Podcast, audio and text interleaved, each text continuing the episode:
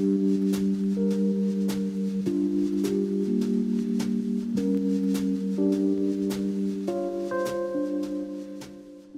bintang, jika semua hal mulai menekanmu dari mana pun itu, ingat tujuannya satu, hanya untuk menggesermu.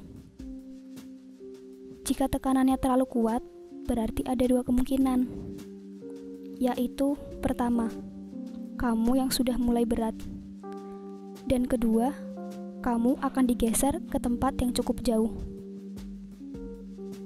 Yang harus kamu perhatikan dan cermati adalah siapa yang berkendak di balik tekanan dan geseran ini.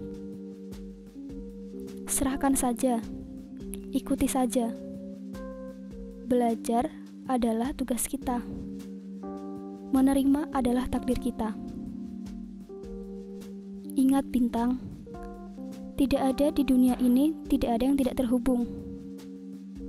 Semuanya selalu terhubung satu sama lain. Tugasmu hanya menghubungkan yang belum terhubung, supaya kamu bisa leluasa.